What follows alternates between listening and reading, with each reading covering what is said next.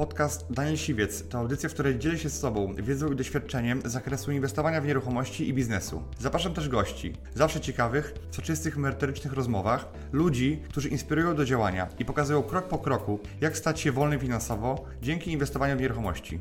Posłuchaj ich historii, zastosuj modele działania, wykorzystuj narzędzia i uzyskuj podobne rezultaty.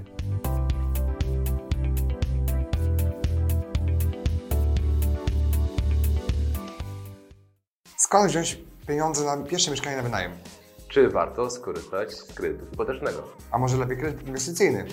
A co jeśli nikt Ci tych pieniędzy nie chce pożyczyć w banku?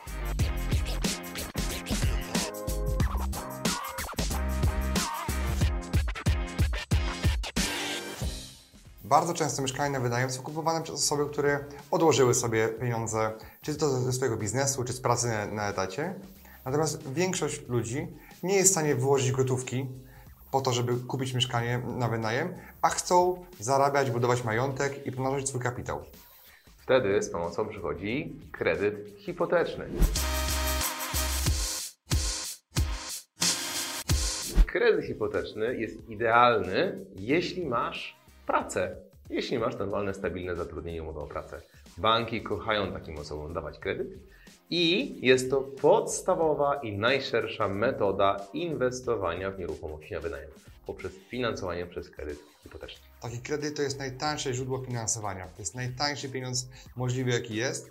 Dzisiaj on jest znacznie tańszy niż inflacja, czyli pożyczając pieniądze z banku na mieszkanie, generalnie można powiedzieć, że koszt kredytu jest dużo, dużo niższy niż spadek wartości pieniądza.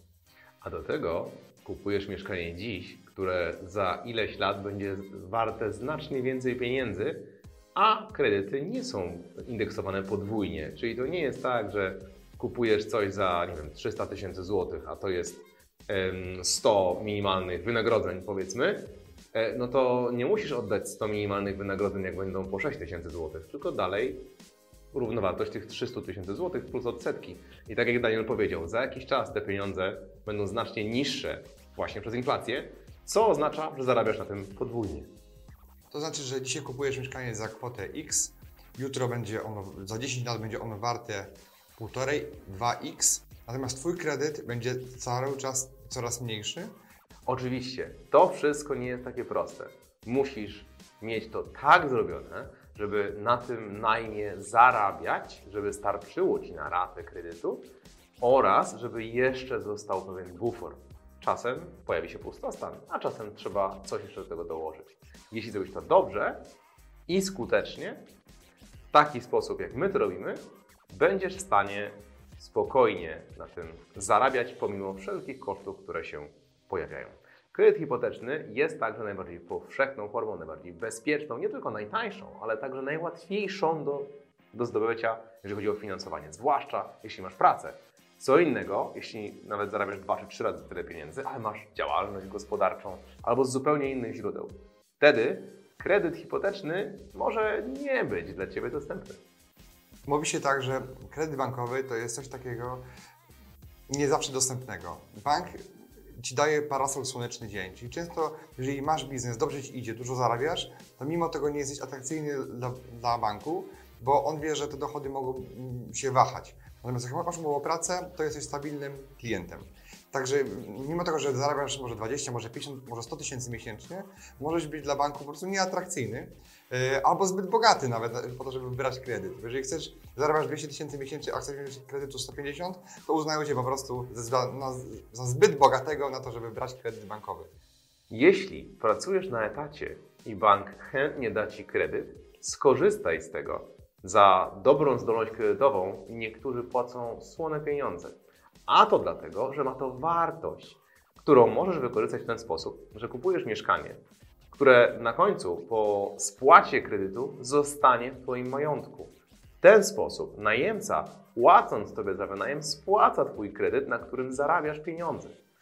Mało tego, nawet jeżeli chcesz zwolnić się, nie wiem, zmienić, założyć swój własny biznes, wyjść z tej pracy na etacie, weź pod uwagę znowu tę wartość, o której powiedziałem.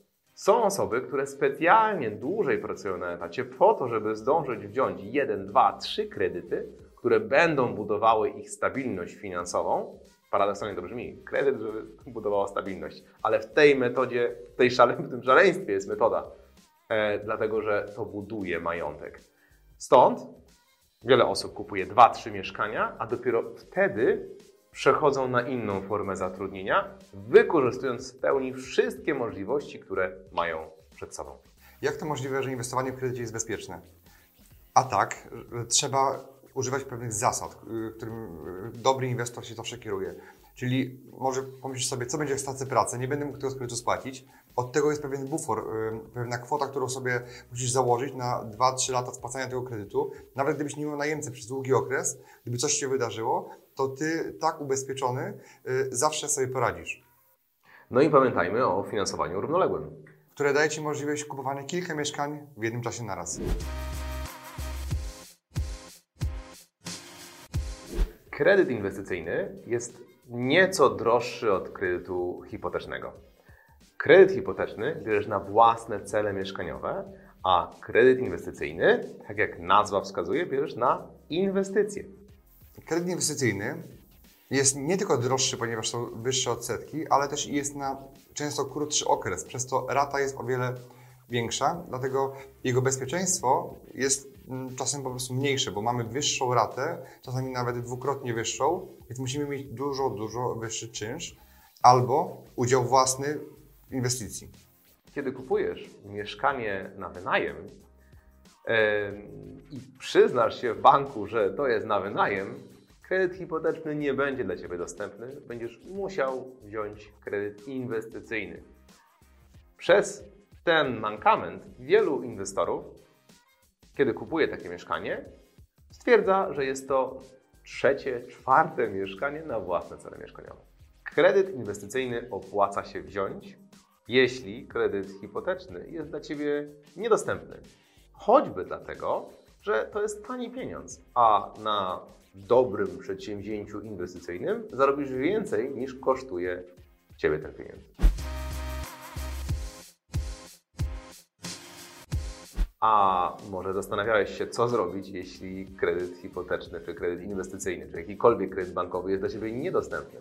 Są jeszcze inne alternatywne możliwości finansowania zakupu nieruchomości bądź zarabiania na zakupie i na wynajmie. Najprostsza rzecz zwróć się do kogoś, kto Ci ufa i postaraj się pożyczyć od nich pieniądze. Albo zdobądź wiedzę, jak kupić mieszkanie okazyjnie. Znajdź osobę, która sfinansuje Ci ten zakup, bo będzie miała w tym interes.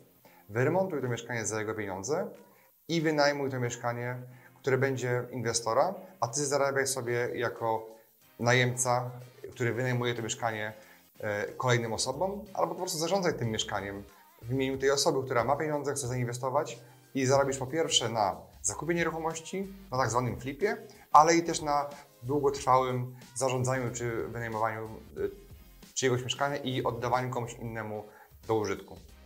Jest to prosta i skuteczna metoda na to, aby wejść aktywnie w rynek nieruchomości, dotknąć go, obeznać się ze wszystkimi elementami, które tam są nie posiadając mieszkania ani kapitału. Jedyne, co musisz posiadać, to jest wiedza, jak to zrobić. Podsumowując, znajdujesz mieszkanie poniżej wartości rynkowej, przygotowujesz to mieszkanie w odpowiedni sposób do najmu, a później sprawiasz, żeby właściciel tego mieszkania zarabiał odpowiednie pieniądze od najemców, dobrze Ciebie co miesiąc wynagradzając.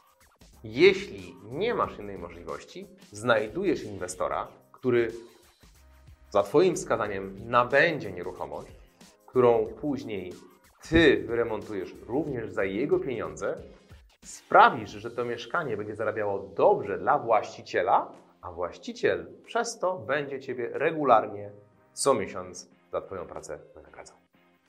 Żeby inwestować w nieruchomości, wcale nie trzeba mieć kapitału ani żadnych pieniędzy. Gdybym ja uważał, że trzeba mieć pieniądze, żeby zacząć inwestować w nieruchomości, do tej pory tych pieniędzy bym nie zarobił. To właśnie wiedza albo przekonanie, że da się robić pieniądze w nieruchomościach bez pieniędzy, dała mi właśnie dojść do kapitału, którym obecnie dysponuję. Bo razem z Robertem mamy 83 mieszkania na wynajem, gdzie my żyjemy dzisiaj z najmu. Jeżeli dzisiaj nie masz gotówki na pierwsze mieszkanie, to pamiętaj, są sposoby na to, żeby nabywać je bez pieniędzy. Bo my z Robertem kupiliśmy takich mieszkań wiele i gdyby nie te sposoby, których tu pokazujemy, nigdy byśmy nie doszli do dużych pieniędzy. Dziękuję Ci, że wysłuchałeś do końca. Jeśli ten podcast był dla Ciebie interesujący, zapraszam do słuchania kolejnych odcinków. A jeśli chcesz jako pierwszy otrzymywać powiadomienia o nowych odcinkach, subskrybuj mój podcast.